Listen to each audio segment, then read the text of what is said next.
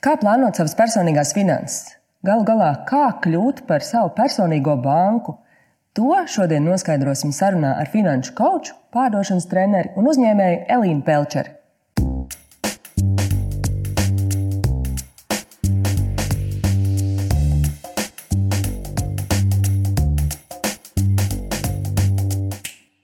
Elīna, tu esi finanšu kočs un pārdošanas treneris. Šīs pārdošanas un finanšu prasmes tomēr nav ļoti salīdzināmas. Kā tu līdz kaut kam tādam nonāci? Jo faktiski tas dod ļoti lielu pievienoto vērtību.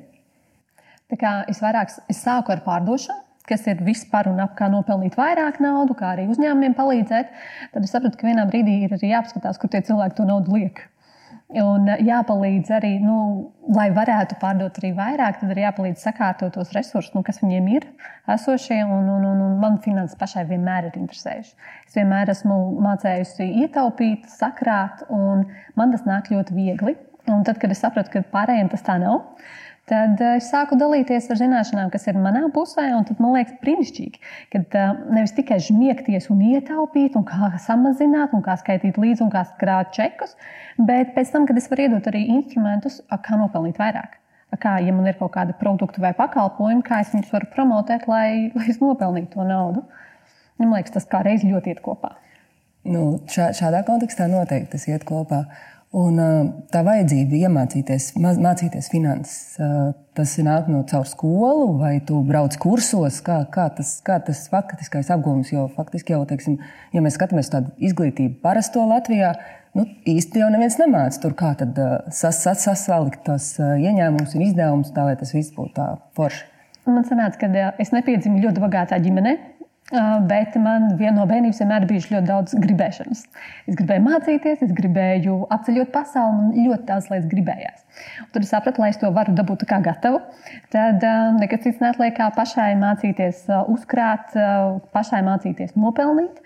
Un tajā brīdī, kad man zināšanas sāka nu, pietrūkt ar to, ko es varu izlasīt grāmatās, es sāku arī vairāk runāt ar cilvēkiem par to. Tad, tad arī aizbraucu uz pārmācībām pasaulē, lai, lai vienkārši saprastu, kā, kā citi uz to skatās. Nu, kā citi skatās? Nu? Ko, ko tu atklāji to, ko tu nebiji dabūjusi šeit, esot un lasot un runājot ar vietējiem? Man liekas, viena no tādām galvenajām lietām, kas ir ārkārtīgi vienkārši, tad, kad to pasaka, ir naudu sadalīt čupiņās. Jo bieži vien mums ir viens konts, kurā krājās visa nauda, un tad mums šķiet, ka mēs to visu kontrolējam, mēs jau zinām, cik tur ir.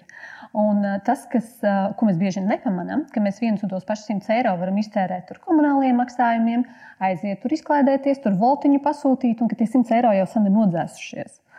Bet tad, ja mēs sadalām pa čūpiņām, kad rekur ir nauda, kas ir paredzēta finan, nu, komunālajiem maksājumiem, tādiem standarta maksājumiem, rekur ir nauda, kas ir paredzēta pieņemsim, izglītībai vai baudām, nu, tātad kaut kādām izklaidēm, un nauda, kas ir paredzēta uzkrājumam, un kad man tas ir vairākās čūpiņās, tad es saprotu, kāda man ir limiti. Tad es runāju nevis par naudu kā kaut ko globālu, mēs ļoti bieži vispārinam, nav naudas daudz naudas. Kā tu tās teiciens, nauda ir divas stadijas. Naudas nav, naudas nav nemaz. Tas nav par tevi. Tu, tu māci citu pieeju. Jā, ļoti labi. Un tajā brīdī, kad ir tās čūpiņas, tad mēs arī zinām, cik ir limiti. Un, ja mums nepatīk tas, ka man, piemēram, pie baudas ir, uh, ir tikai 100 eiro, tad ieslēdzās otrs. Kas man ir jāizdara, lai es varētu nopelnīt vairāk? Čūpiņu palielināt. Jā. Un, ko tu saki tajā gadījumā? Kas tad būtu jādara, lai varētu nopelnīt vairāk? Tur ir divas lietas. Pirmā, mēs paskatāmies, kur tā nauda pazūd. Un tā ir lieta, ko cilvēki ļoti bieži vispār nezina. Viņi nezina, cik viņiem ir palikuši maksājumi, ja ir kaut kāda hipotekārie kredīti, cik ilgi vēl tas ir jāmaksā. Mēs ļoti bieži nepamanām sīkos izmaksas, kaut kādas tādas nu, kafijas, un, un, un tad tur kaut ko degvielu, vēl kaut kas, tādas lietas, kad mēs jau pat nezinām, cik mēs tērējam. Un tad, kad mēs kaut vai vismaz vienu reizi kārtīgi saskaitām un saprotam, cik īstenībā tā nauda tiek tērēta, mēs varam izvērtēt, cik maksā mūsu dzīvesveids un vai tas ir adekvāti šim brīdim. Un adekvāti tādā ziņā, ka kādi ir mani mērķi, ko es gribu sasniegt, kas man šobrīd ir svarīgāks. Un tad es varu likt uz svaru kausiem, vai es gribu kaut ko ietaupīt no tā, kas man šobrīd ir. Vai es gribu dzīvot tieši precīzi tā, tā kā es dzīvoju šobrīd, un es esmu gatavs uz saviem mērķiem, bišķiņ ilgāk iet uz priekšu. Uh, Un tad pirmais mēs paskatāmies, tātad, jā, kur var ietaupīt, vai var ietaupīt, un kāda ir esošā situācija. Un tad nākamais ir, kāda ir mana resursa, lai pelnītu vairāk. un man resursi var būt laiks, manas zināšanas, manas prasmes, un tad jau mēs varam skatīties, kā tās zināšanas un prasmes es varu pārdot. Un ar pārdot tas ir gan darba tirgu, gan, gan arī radīt kādu produktu, nu, jebko. Jo man liekas, pārdošana ir, ir viss, vis, ko mēs ikdienā darām. Tad faktiski tas, ko tu saki, kad nevis mums ir milzīgs, nepārskatāms Excelis, čeku kalni, kas parasti, nu, man liekas, ik viens no mums ir pamēģinājis kaut vienu reizi uztaisīt savu Excelīti un, un paskatīties, kā tie čeki tur savēlkās kopā. Un finālā ir secināms, ka nē, šito es neesmu gatavs darīt, un, un diezgan ātri tas tiek atmests. Es tev piebildīšu, ka liekas, tā ļoti optimistiski, optimistiski izskatās, ka ik viens no mums ir pamēģinājis uztaisīt Excel un tos čekus tur savādīt. Mm. Nu, ok, varbūt arī daži nav. Pamēģināt. Es arī esmu pamēģinājis, un joprojām to daru. Es vienkārši domāju, vai nav tā, tu droši vien tev ir lielāka pieredze, vai nu, tas ir tomēr tie ir izņēmumi. Lielākā daļa vienkārši ir. Kaut kas ienāk, kaut kas iznāk, nav naudas. Ļoti bieži tas, ar ko es saskaros, kad Excelis un cilvēkiem paceļās rociņas. Tas nav man. Ja? okay. Jā, bet, diemžēl. Bet, tu to aizskati to tehnisko pusi, kā to darīt. Es vienkārši iedomājos par tām čupiņām. Nu, ko tas nozīmē, ka es savai bankai tagad saku, ka es gribu nevis vienu kontu, bet desmit kontus? Jā. Tieši tā. Vienkārši virtuāli man ir sadalīts, un tad ienāk mana alga vai nu kāda no tiem maksājumiem, nu, ienākošie kaut kas, ko nu es esmu sapelnījis, un tad es uh, manuāli internetbankā sadalu pa tiem apakškontiem. To var manuāli darīt, to var uzlikt arī automātiskos maksājumus. Un, uh, un, un, un tas, ko es vēl iesaku, kad uh, tos kontus pārsaukt sev garšīgos vārdos. Nu, tā, kad, ja man, jā, jā, jā, vai, piemēram, ja man mērķis ir tā zeme, tad es viņu kontu arī nevis 0,456, bet tā zeme. Un tad, ja man gribēsies, piemēram, nu, tur jaunas kurpītes vai vēl kaut ko, es padomāšu piecas reizes, vai es ņemšu ārā no tā zemes, vai tomēr es padomāšu vēl citus risinājumus. Iestarpinot, tas nemaksā, nemaksā kaut kādas papildu naudas? Esošajā bankā nē. Okay. Ja es pārskaitu ar saviem kontiem, tad man nav arī jāgaida. Nē, nē, bet, nu, teiksim, vienā bankā uzturēt tur desmit tur kontus, tas ir neko nemainīt. Galvenais karti nelikt klāt. Jo maksā jau karte. Un, un, un, un ja mums ir pie vienas kartes piesaistīti pārējie konti, tas ir tieši tāds pašs investīcijas kā par vienu karti. Un cik būtu optimāli tāda konta? Nu, skaidrs, tur 20 beigās tas pārvēršas šausmīgi nepārskatām. Droši vien ir kaut kādas tādas tipiskas lietas, kurām būtu jāievieš konts, un tad, tad pārējais jau pēc... baudē ir jābūt. Baudē ir jābūt. Kas vēl tādā sarakstā ir? Ja godīgi sākt ar to, ka pats pirmais ir drošības pilns. Tas ir pirmais, kam, kam vispār krāt. Un, uh, tur atkarībā no tā, cik mums ir, katram ir tā finansiālās drošības nu, tā vajadzība, tā latiņa, tad vai tās ir uh, viena alga, trīs algas uh, vai, vai sešas algas, nu, līdz 12 algām. Un katram pašam ir jānomēra pret sevi, cik, cik man vajag nu, to drošības pilvenu. Un tas ir pirmais mērķis, uz kuru krāt. Sakrāja drošību, jo cilvēkiem bieži vien patīk, ka kur man investēt, kādās akcijās. Un tur tikai pajautā, kāds tev ir drošības pilvens. Hmm, kas tas tāds? Jā. Labi, tad mums ir drošības pilvens. Nu, es par to baudu, tomēr ieskaitām. Jā, jā, jā, tas ir pamatlistē. Nu, kas vēl tur? Tad ir ikdiena. Ikdienas tas ir, ir visi ikdiena. komunālie maksājumi, viss, vis, vis, kas mums aiziet, pārtiks maksājumi. Jā. jā, kas ir nu, tādi konstanti maksājumi ar līgumiem, hipotēkas, pieslēgumi, viss, kas tur ir. Un kas ar katru mēnesi mums ir viena un tie paši, un tā ir summa īstenībā, kur mēs varam paredzēt, un mēs varam uzlikt tam limitu, jo mēs zinām, cik tas ir. Un tāda ir izglītības konts, kuru es ļoti, ļoti, ļoti iesaku. Ļoti daudziem nav, bet tas konts visu laiku jautā, kas man ir jāiemācās, lai es ātrāk varu uzkrāt drošībai, lai es ātrāk varu uzkrāt arī pārējos kontos. Un tad arī izglītība kļūst nevis par kaut ko tādu. Sajūtos, un tagad es iešu uz šitām mācībām, tad sajūtos uz tām mācībām. Bet uh, rodas jautājums, kam tev to? Ko tu gribi ar to panākt? Tad, ja tu aizēji, pieņemsim, mācīties publisko runu, tad uh, kur es to pēc tam likšu, kā man tas palīdzēs nopelnīt naudu? Un tad tā publiskā runa, piemēram, ir forša investīcija tavā izglītībā, tavā attīstībā, kas, kur tu pēc tam redzi, kā tas tev nāks atpakaļ. Un tad arī tu zini, cik tev tur vajag, cik maksā tas konkrētais kurs, piemēram. Un tu sakrāji tajā kontā to naudu, un tu viņu tērē tikai tad, kad tu esi sakrājis. Un tas tev uzreiz iedod tādu foršu mērķi. Tas, ko es dzirdēju, kas vienkārši iestarpinot, ir, ka konts sāk runāt. Tas man liekas, tas ir pilnīgs kosmosa elements. Tu ienāc internetā, bankā koncertē, ir runā. Viņš saka, hei, kursam vēl pietrūkst tik un tik. Tā ir zeme neaiztiec. Jā, jā tie nosaukumi droši vien dod to sajūtu, kur tu paņem no kaut kurienes, ka tu sev noņem. Jo man šeit ir emocija, tad arī tas lēmums ir tāds kā nu, pašsaprotamāks, ka nu, šo es neaizteiktu. Nu, kā es tā aizjūtu? Es sapņoju, cik gadus strādāju. Vai ne? Tu jau sajūti, kā tu dzer to kokteili tajā brīdī, tur varbūt uh, jūras krastā. Un tad ir mērķa konts, jo mums katram ir kaut kāda mērķa. Kāds ir mašīna, kāds ir dzīvoklis, kādam ir tas pats ceļojums. Nu, kaut kas mums vienmēr ir arī pie, pie, pie mērķiem. Un tad tas ir arī atsevišķs konts, kuram mēs krājam.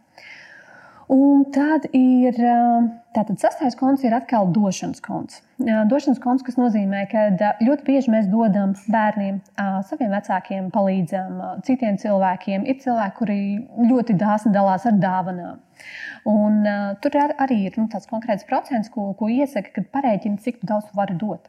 Jo vienā brīdī tu vienkārši dod no, uh, no saviem mērķiem. Un tā kā uz svaru kausiem lietas uh, to, vai es varu dot, eh, nu, tātad, vai es atlieku vairāk drošībai savai, vai es arī kādam iedodu vairāk to naudu, vai palīdzu, vai atbalstu. Un tas nekādā veidā nenozīmē, ka nevajag atbalstīt. Vienkārši vajag zināt, cik tu vari atļauties, un varbūt par pārējo, nu, ja vajag vairāk, tad es atbalstu ar savu laiku, ar savu darbu. Es varu skatīties vēl kreatīvāk, kā es vēl varu palīdzēt tam cilvēkam. Tas varbūt nav tikai tur, nu, es nāku Ziemassvētku visiem sapirkt dāvanas, baigi dārgās tikai tāpēc, ka nu, tad es būšu labs cilvēks. Nu, skaisti. Tā kā ir vismaz seši. tā tad vismaz seši, un tad, ja prasās kaut ko likt klāt, tad, tad liekam klāt. Jā, man viena no lietām, ko, ko es personīgi praktizēju, ir, kad es uztaisu tādu neparedzētu izdevumu kontu arī. Jo ir cilvēki, kas saka, ka ja nu, tur kaut kas notiek, un no kura konta es ņemu. Pirmais, ko cilvēki, es neizprotu kādēļ, bet viņi pirmais skatās, ir drošības pilns. Un drošības pilvenam nevajadzētu būt tam, no kā es paņemu tajā brīdī, kad man saplīst veļas mašīna vai ziemas riepas jāpērk. Kas mums arī ļoti bieži dzirdu par neparedzētiem izdevumiem. Tas nekas, ka tas ir katru gadu.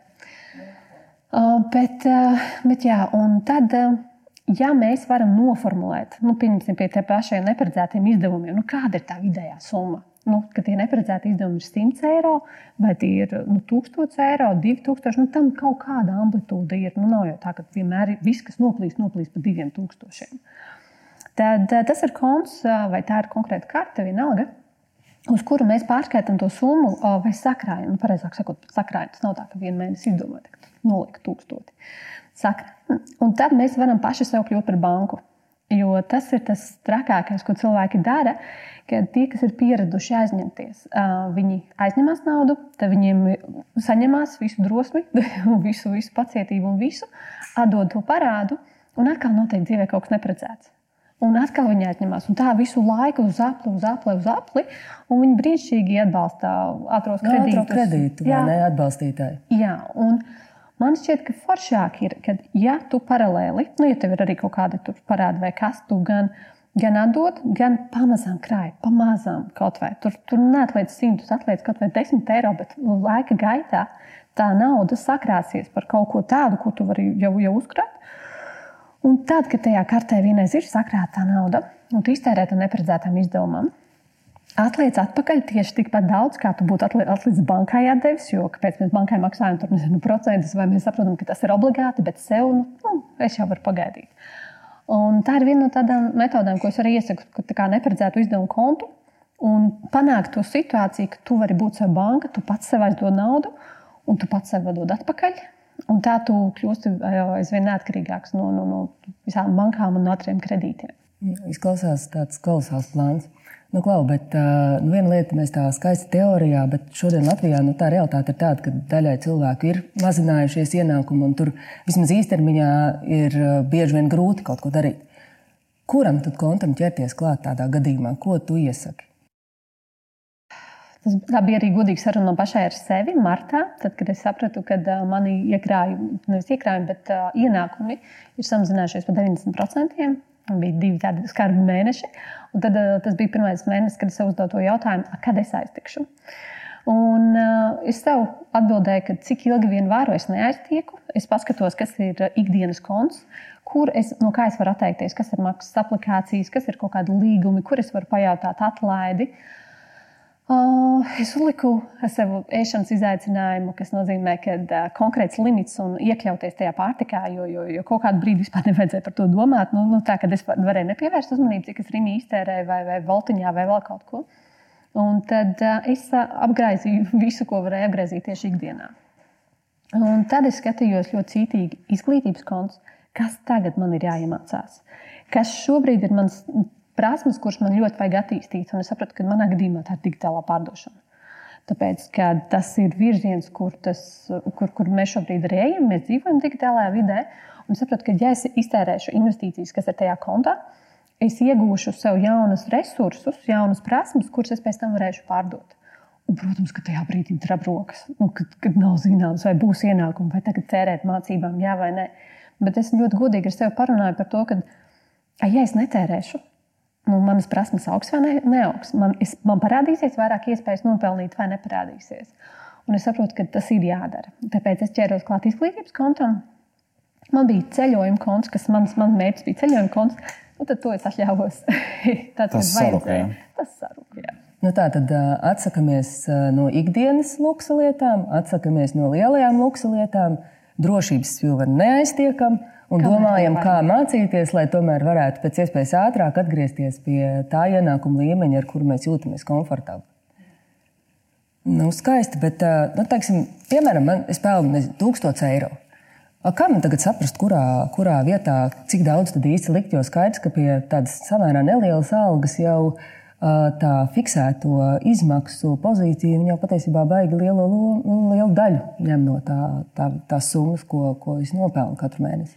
Tas droši vien tipiski arī taviem klientiem. Viņi taču saka, apmēram, frāzi, man jau nekas pāri nepaliek, ko es te varu iekrāt. Tas man šķiet, ka lielākā daļa cilvēku tā saka. Un šeit es parasti iedodu izaicinājumu pamēģināt. Kad nevis no tā, kas paliek pāri, vai to mēneša beigās kaut kas paliek, un tad to pārskaitīt, nu, reti kuram paliek pāri. Bet pašā mēneša sākumā, tad, kad tev ir daudz, sadalīt pa kontiem uzreiz. Un tajā brīdī arī ir bail, kā es izdzīvošu. Un paskaties, pirmkārt, varbūt krīze dzīvo diezgan vienkārši un pat nepamanā, kur tā nauda paliek.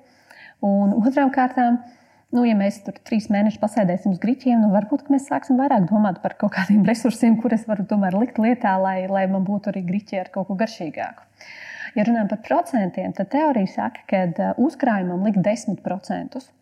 Un tas ir baigi jāskatās atkal no tā, cik ir mans ikdienas izmaksas, cik es varu atļauties, cik man ir tie 10%. Ja tas ir par traku, tad likt konkrētu summu. Varbūt tie ir 50 eiro, varbūt tie ir 30 eiro. Sākt ar kaut kādu mazumiņu, jo it sevišķi, ja cilvēks nav agrāk daudz krājis vai, vai nu, nav tas ieradums izstrādājies, tad sākt ar maksimāli mazāko summu, kuru, kuru jūtās nu, tā, kas ir 10 eiro. Bet uzkrāt un iedot sev to pārliecību, ka es esmu cilvēks, kurš krāja. Jo mēs sev ļoti bieži saucam par cilvēkiem, kas ir jau tērētāji, man jau kas atnāk, tas arī aiziet. Un, un, un mēs jau programmējam sevi uz to, ka es jau neko nevaru. A, tad, ja man ir pierādījums, ka es jau gadu atlieku 10 eiro, vai 20 eiro, vai 30 eiro, es jūtos aizvien drošāk likt arī vairāk un tā kā pat repītēji uz augšu. Kurā. Nu, tas ir arī vien, nu, ja mēs runājam par ieradumu veidošanu, tad tāda pakāpeniskums, bet regularitāte izveido ieradumu, kuru beigās ir pat grūti nedarīt ne, savā ziņā. Nu, plus vēl tie automātiskās tās visas sistēmas. Nu, tu vienkārši taisi tajā savā internetbankā, un tas notiek pats par sevi. Vai paslēpt internetbankā arī vēl viena lieta, slēpt. Paslēpt, lai nav, nav redzams? Jā, jā, tur ir plusiņi, mīnusiņi, kad var tā, ka neredz uz tos krēkontus. Un uzkrājumam, tas, kas ir drošības pilns, es ieteiktu vienmēr, ka tas ir krājkons, ne jau daļa procentiem, procentu tur nav. Bet dēļ tā, ka ir grūtāk tikt klāt. Okay, ka tu viņu nevar tā uzreiz ienākt prātā, paķer un Jā. pat nepadomāt, nu, varbūt tur, impulsīvi. Nu, cik tā, nu, tā likviditāte kaut kāda šķir tam kontam, cik tur dienas vajag, tad, lai tiktu klāt? Man liekas, kā kurā bankā bija 5 līdz 7 dienas. A, un, ja tu gribēji uzreiz, nu, tad vajadzēja no darba, tad visticamāk, ka 5 dienas var izdzīvot un tad jā, ķerties klāt drošības. Jā, jā, bet tur arī uzreiz vajag, tad ir jāsamaksā konkrēta nauda. Bet, uh, bet jā. Nu, tātad, tu kā kočs, pirmkārt, tātad, tu palīdzi veidot cilvēkiem pārliecību vairāk par sevi. Kas ir vēl tās lietas, ar ko cilvēki nāk, kādas problēmas tur risina savā tiešām ikdienā? Nu, jo tāds coachings Latvijā ir jau zināms, bet teiksim, finanšu kočs tas tāda, manuprāt, tomēr diezgan inovatīva profesija, kuru varbūt nemaz daudz nezinu, ko tad īsti tāds cilvēks dara. Īstenībā sanāk, ka ļoti daudz atnāk vispār parunāties par naudu ar mani. Uh, Jo Latvijā tā ir viena no lietām, ka mēs jau daudz nerunājam. Tā ir viena no tēmām, kas ir tā, tabū un kādam pateikt, un arī man dažreiz. Nu, tā teikt, precīzi, cik es pelnu, vai tā, kā, nu, nu, tā aptuveni vidēji. Un es aicinu uz ļoti, ļoti godīgu sarunu, uz ļoti godīgiem cipariem, sarēķinam, lai saprastu tātad visu, kas ir, kur mēs varam ietaupīt. Un tad nākamais, tas galvenais, uz ko mēs strādājam, ir, kas ir mana resursa, ko es varu pārdot, kas ir tas, ar ko es varu pelnīt. Un ļoti bieži nāk ar to, ka man ir apnicis tas, ko es daru bet man nav ne mazākās jausmas, ko es gribu darīt, vai man nav ne mazākās jausmas, ko es varu darīt. Un uh, man patīk meklēt. Un mēs vienkārši kopā meklējam, kas ir tas, ko tas cilvēks māca, kas ir tas, kas viņu nu, vilina vai, vai vismaz aizrauja. Un tad, eh, tad arī ģenerējam biznesa idejas, ar ko varētu mēģināt vai, vai ko, ko mainīt dzīvē. Jā, faktiski sanāk tāds, tāds biznesa ievads. Jā. Nu, ko Lielīna noslēdzot šo sarunu, varbūt trīs lietas, kuras tavuprāt vajadzētu katram no klausītājiem paņemt līdzi, lai rīt varētu saplānot savus finanses foršāk. Pirmais ir, ja gadījumā jums ir tikai viens konts, tad atdaliet un salieciet pa čupiņām. Otrais ir, tas vienmēr ir par mērķiem. Noskaidrot pašiem priekš sevis, kas ir tas mērķis, kam jūs gribat. Jo, ja mums nav mērķu, ir absolūti vienalga, cik mēs pelnām vai tērējam. Jo tā nauda tad tiešām plūst. Bet, ja mēs zinām, ka mums ir vajadzīga mašīna un mašīna maksā 5000 vai 10 000, piemēram, vai man ir vajadzīgas mācības, kas maksā 600 eiro, tad mums ir skaidrs, kam mēs krājam. Un trešais ir nesist vienīgo cilvēku, kas tev pelna naudu. Mēs ārkārtīgi bieži citam paši sevi ar pārmetumiem, ka mēs kaut ko nevaram. Bet, ja mēs esam tie, kas paši pelna naudu, tad iedrošināt to cilvēku, motivēt un līdzēt sev. Un, lai mēs gribam pelnīt, nevis ka ah, atkal šodien darbu un atkal nenopelnīju. Nu, lieliski. Es domāju, ka mums ir ļoti forša saruna izveidojusies. Tātad motivējam sevi pelnīt vairāk. Tieši tā. Mm, nu, es, es neesmu tas, kurš eh, atbalsta to eh, izmēģināšanu pie spoguļa, teikt, un, un eh, tur 15 reizes norunāt vienu un to pašu tekstu, iemācīties viņu no galvas. Formulēt domas tā, lai tavs klausītājs tevi saprastu. Izstāstīt stāstu, cilvēcīgu stāstu, mm. iedot, varbūt iedot kaut kādu savu ļoti personīgu emocionālu pieredzi. Ja, nu, es tikai pirms mesties atkal, kad, kad slavēt savu uzņēmumu. Jā. Pats galvenais ir, ir stāstījumā nepazaudēt um, sirsnīgu, vienkāršību un cilvēcību. Visiem tu nebūsi labs. Un uh, tieši tāpat ar joku. Ne visi smiesies par to joku.